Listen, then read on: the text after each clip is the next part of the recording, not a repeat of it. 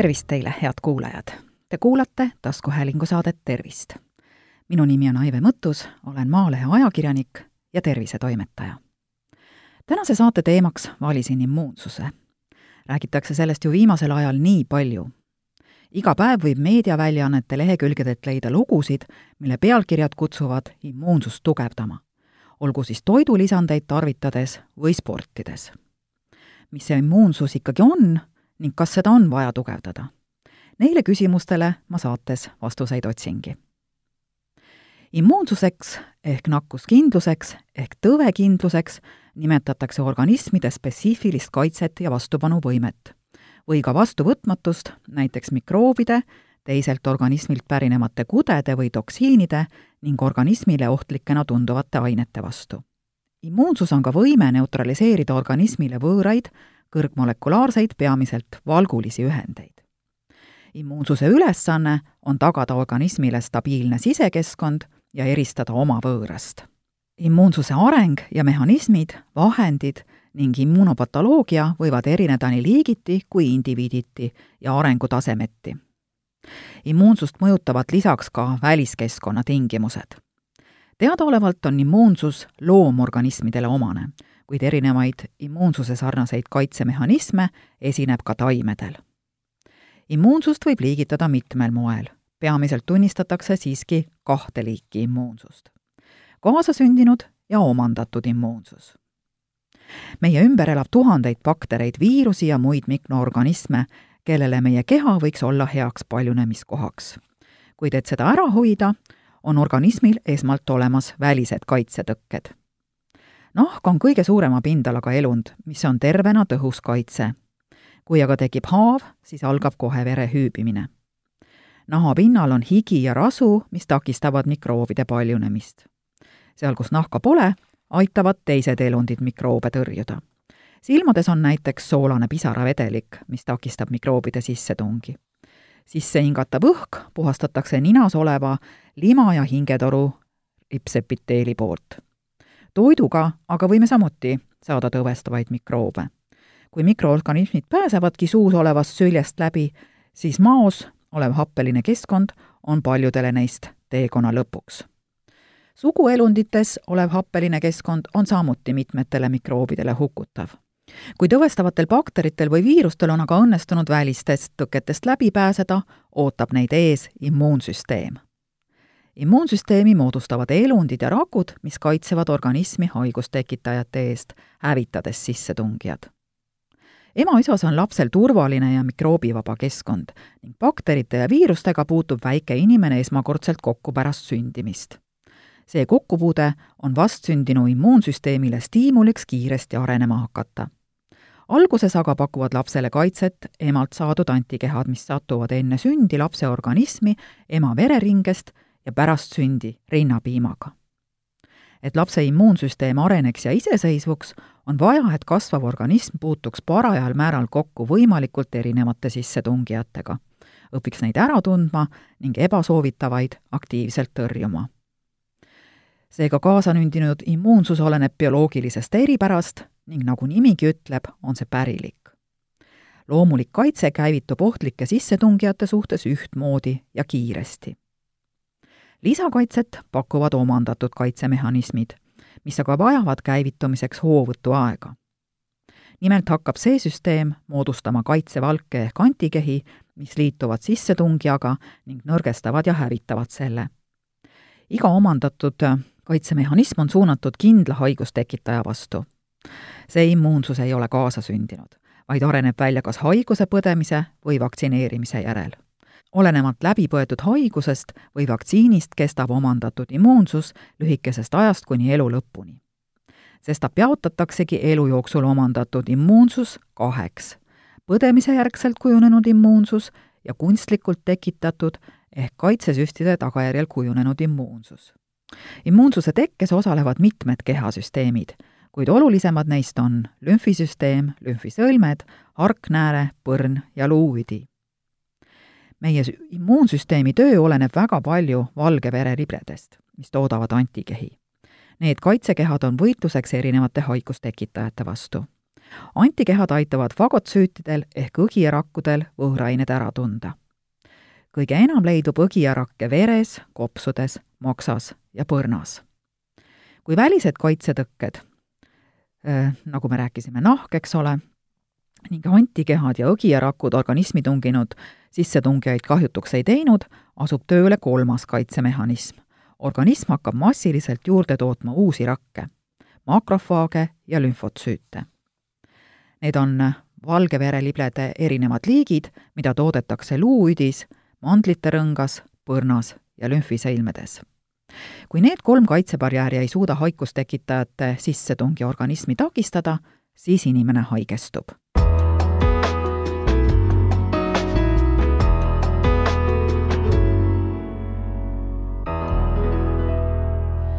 kuidas siis suhtuda üleskutsetesse immuunsüsteemi tugevdada? jah, immuunsüsteemi saab mõjutada küll, kuid mitte teatud toitude või toidulisandidega või kahenädalase hoogsa sportimisega. seda saab teha pika aja vältel mitmekülgselt ja tasakaalustatult toitudes, regulaarselt head ööund magades ning kehale mõistlikus koguses füüsilist koormust andes. väiteid, et punane päevakübar, küüslauk või C-vitamiin tugevdavad immuunsust, võime kohata peaaegu igal pool. kas see nii aga ka on, küsiti mõni aeg tagasi Terevisioonis Ida-Tallinna Keskhaigla immunoloog doktor Krista Ressilt. kui ma ütleks, et see nii on, siis ma valetaks, vastas doktor Ress. ei päevakübar, erinevate tsitruste segud, C-vitamiin ega küüslauk tugevda immuunsust, selgitas tohter. tema sõnul tuleks esmalt küsida, kas me üldse tahame immuunsust tugevdada immuunsüsteem peaks olema ka tasakaalus, kuid kui hakata teda tugevdama, siis lükatakse ta tasakaalust välja. seega on väide, et tugevdab immuunsüsteemi, vaid reklaamlause, millega toodet või teenust müüa. on vale arusaam, et immuunsust on vaja toidulisanditega tugevdada. meil on vaja teda mõjutada siis, kui ta on puudulik või tal on mingisugune viga küljes. aga tervel inimesel ei ole vaja mingisuguseid lisandeid juurde võtta, rääkis doktor Ress rõhutan siis veel kord üle, et toituma peaks tasakaalustatult, elama võimalikult stressivabalt, magama korraliku regulaarse ööune ja tagama endale mõistliku füüsilise koormuse. ja nii kogu aeg, mitte ainult hoogtöö korras nädala või kahe vältel. võimalus turgutada oma immuunsüsteemi millegagi nii, et aastaid ei haigestu isegi mitte nohusse, doktor Ressi sõnul olemas ei ole uuringutes, mis näitavad, et teatud preparaadi võtmisel inimene enam ei haigestu üldse, on sageli kasutatud katsealuseid, kel on mingi konkreetse aine puudus ja neile lihtsalt antakse preparaati, mis selle ainepuuduse korvab. aga kui inimesel on tervisega kõik korras, tegelikult midagi paremaks ei lähe. oluline on teada veel üht aspekti. adekvaatne immuunvastus infektsiooni korral on põletik ning immuunvastust tugevdades saame me veelgi põle-, tugevama põletikureaktsiooni ehk siis veelgi kõrgema palaviku, veelgi tugevama nina kinnisuse, lopsakama nohu ja rohkema rögaga köha. kas me tõesti tahame seda? immuunsüsteem on kompleksne kaitsesüsteem, mis peab toimima tasakaalustatult ja harmoonias. ülemääraselt tugev immuunreaktsioon võib põhjustada allergiahaiguse, näiteks astma, allergilise nohu või nahapõletiku tekke või ka raske infektsiooni korral ulatuslikust põletikureaktsioonist tingitud šoki ja isegi surma kui aga immuunsüsteem kaotab tasakaalu ja hakkab võitlema organismi enda rakkude vastu, siis võivad tekkida autoimmuunhaigused, näiteks reumatoidartriit.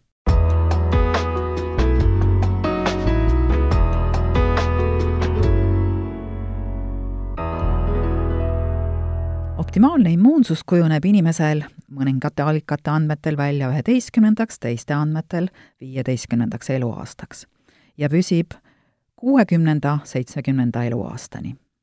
miks aga inimese immuunsüsteem vanusega alla käib? selle kohta loen teile natukene ette möödunud nädalasest Maalehest, kus Tartu Ülikooli teadlaste värsket uuringut eh, vahendab ajakirjanik Eva-Lotta Kivi.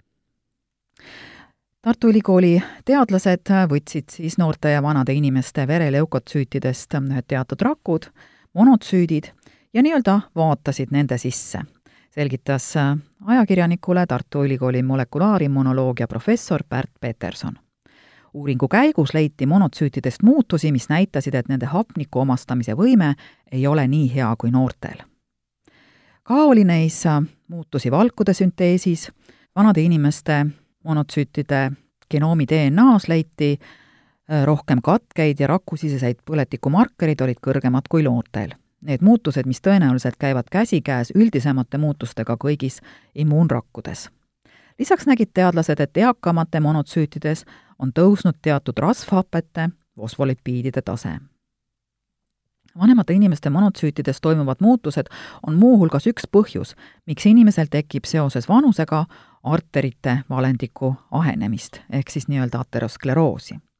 ateroskleroosi muide esineb siis rohkem inimestel, kellel on suurem kehakaal, kes suitsetavad, või esineb kroonilisi põletikulisi haigusi nagu suhkrutõbi või neerupuudulikkus. see on toosama riskirühm, kelle hulgas näeme muutusi ka teistes immuunsüsteemi osades miks inimese immuunsüsteem vananedes aga ikkagi alla käib?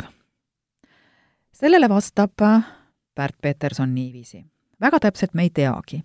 inimese vananemine, nii argipäevane kui see ka ei tundu, on oma olemuselt päris keeruline. teadlastel on mitmeid teooriaid selle kohta, mis on vananemises muna või kana, ehk siis sageli pole kerge aru saada, mis vananemist põhjustab või mis on selle tagajärg vananedes pole vanema inimese immuunsüsteem võrreldes noore inimese omaga näiteks enam nii suuteline reageerima nakkust haigustele. ka on vanematel inimestel vaktsineerimise efektiivsus madalam. samuti on vanematel inimestel enam kasvajaid. Viimase aja teadustulemused näitavad Petersoni sõnul üha selgemalt, et immuunsüsteem on väga oluline kontrollimaks kasvajate tekkimist meie organismis lisaks tekib vanematel inimestel rohkem teatud tüüpi autoimmuunseid haigusi Need on siis olukorrad, kui immuunsüsteemis läheb midagi valesti ja see pöördub omaenda organismi vastu. üks suuremaid muutusi vanemates inimestes on Petersoni sõnul ka aastate jooksul toimuv üldise põletikulise tausta tõus. See ei ole tingimata suur põletik, pigem pikaldane, kuid reeglina pidev muutus, mis ei põhjusta erilisi sümptomeid ega haigusi. aga mingil määral inimesed vananedes seda tajuvad ta lisas, et ilmselt on immuunrakkudel üks osa selle põletiku tõusule kaasaaitamises. see tundub olevat kõrvalmõju või hind selle eest, et immuunrakud peavad tegelema kehas olevate krooniliselt nakatunud herpesviirustega. Enamik meist on Petersoni sõnul nakatunud mõne herpesviirusega ja suurema osa ajast nad ei ole aktiivsed, kuid aeg-ajalt jälle aktiveeruvad, mis omakorda alarmeerib meie immuunsüsteemi neile reageerima selline vanusega tõusev aeglane põletikuline muutus on vast üks peamine immuunsüsteemi mõjutav jõud, ütleb Tartu Ülikooli molekulaarimmunoloogia professor Pärt Peterson. Lihtsat ja imeväega rohtu, mis peataks vananemisega seotud immuunsüsteemi muutused, loomulikult ei leidu. praegu on maailmas väga suur huvi leida viise, kuidas mõjutada vananemist üldiselt või ka keskendudes ainult immuunsüsteemi muutustele fookus on eelkõige suunatud mitte niivõrd vananemise aeglustumisele või peatamisele, vaid pigem sellele, kuidas hoida vanemad inimesed kauem tervemana. siin oleks immuunsüsteemi üldist toimimist toetavad lähenemised omal kohal. Ravimeid ja lahendusi proovitakse leida praegu teaduses seinast seina ja erisuguseid arvamusi esineb teadlaste ja koolkondade hulgas, selgitab Pärt Peterson. ühtviisi palju või veel rohkemgi on Petersoni sõnul igasuguseid liba- ja pseudoaineid. inimeste huvi teema vastu ja proovida tahtmise soov on sedavõrd suur, et otsitakse ja proovitaksegi väga küsitavaid asju ja aineid. suuremast osast neist ei ole kasu ega kahju, rohkem kui rahakoti kulumine välja arvata. üldiselt mõistlikud inimesed saavad ise ka aru, kuskohast piir jookseb enamik äh, uuringuid näitavad, et immuunsüsteem toimib paremini inimestel, kes on terved, elavad tervislikult ja kellel pole raskeid kroonilisi haigusi. võib öelda, et hea immuunsüsteem on neil, kes ise on tervemad või ka vastupidi, nad on tervemad sellepärast, et neil on hea immuunsüsteem. See on nii-öelda statistiline tulemus, mis saadakse, kui uuritakse suurt valimit inimesi. üksiku inimese tasandil võib samas olla palju variatsioone toob Pärt Pertelson välja.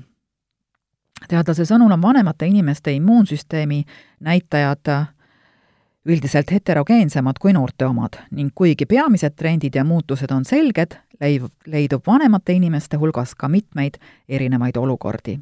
Isegi pealtnäha väga terve inimese immuunsüsteem ei pruugi olla hea. ilmselt mõjutavad äh, seda elu jooksul saadud infektsioonid, elustiil, stressifaktorid ja muu sedavõrd palju, et näemegi suuremat variatsiooni just vanemaste inimeste hulgas. miks nende immuunsüsteemis on nii palju variatsiooni ja muutlikkust, seda tasubki teadlase sõnul tulevikus uurida.